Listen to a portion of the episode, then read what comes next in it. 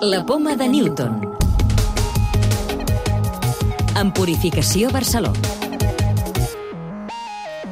En el programa d'aquesta setmana analitzem quin risc de contagi per coronavirus comporta anar a la platja o banyar-se en rius i piscines aquest estiu. Els estudis científics fets fins ara en revelen que el nou coronavirus no pot viure en l'aigua del mar o de piscines públiques. També us parlarem de la rehabilitació dels pacients de Covid-19 i d'un fàrmac contra el melanoma que podria servir també per tractar el SARS-CoV-2.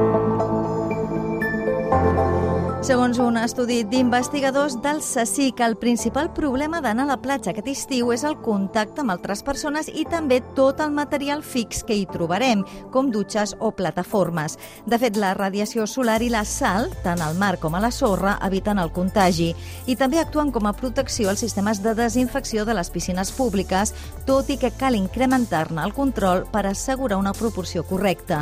Joan Grimal és un dels investigadors de la recerca. Dins l'aigua el risc és mínim, insignificant, perquè si estem a la piscina per normativa sanitària, l'aigua ha de tenir un cert nivell de clor, de l'ordre de com a mínim 0,5 mil·lígrams litre. Això és més o menys la composició del desinfectant i el SARS-CoV-2 no prolifera. A la mà ja hi ha sal i la sal també inactiva o destrueix el virus.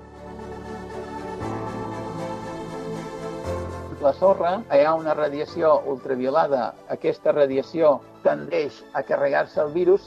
Després, la sorra, si estem parlant de, de la costa, té bastanta sal i, per tant, la sal es carrega el virus. I, a més a més, la sorra s'escalfa prou i això també es carrega el, el virus.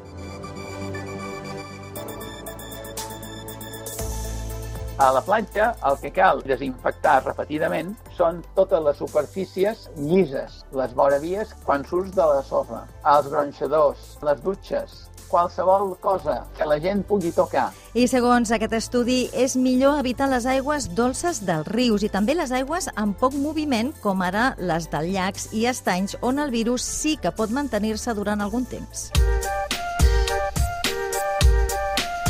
Més coses. Els malalts greus de Covid-19 tenen més necessitat de rehabilitació que els pacients d'altres infeccions. A banda de dèficit respiratori, pateixen altres seqüeles, com musculars, però també de deglució i de parla.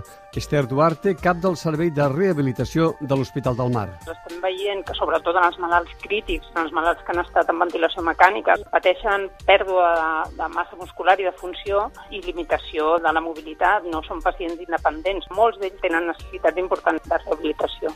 Un fàrmac contra el melanoma ha demostrat en laboratori que pot aturar la progressió d'un tipus de coronavirus humà que provoca refredats comuns i que és de la mateixa família que el SARS-CoV-2. Els primers resultats han estat molt bons, tot i que ara caldrà provar-lo en el nou coronavirus. Isabel Solà, investigadora del projecte. Ha impedido la multiplicación del virus, incluso en las concentraciones más pequeñas. Els infectats pel nou coronavirus que no manifesten símptomes podrien no generar anticossos de resposta davant del virus. Això és el que apunta un estudi d'Irsi Caixa i de la farmacèutica Grífol, segons el qual un 44% dels que han tingut una infecció lleu o asimptomàtica no tenen anticossos neutralitzants de la infecció, que sí que han trobat en persones que han estat greus.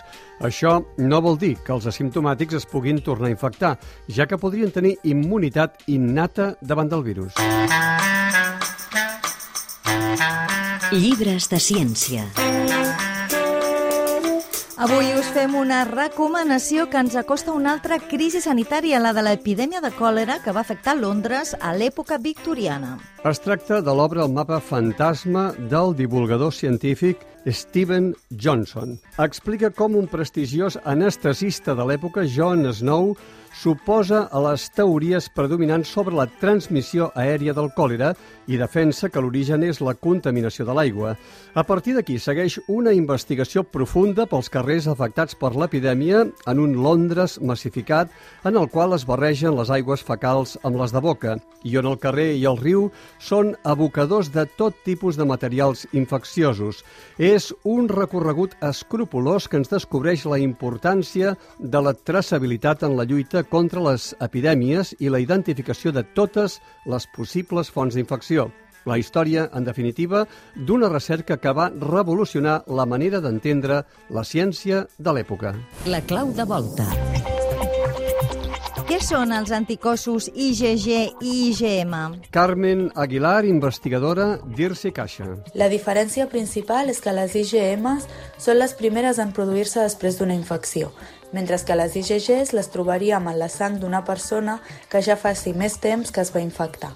És a dir, ens permeten distingir entre una infecció recent, les IgMs, i una infecció passada, les IgGs. Recordeu que podeu descarregar-vos el podcast de la Poma de Newton o subscriure-us al programa per rebre'l directament als vostres dispositius.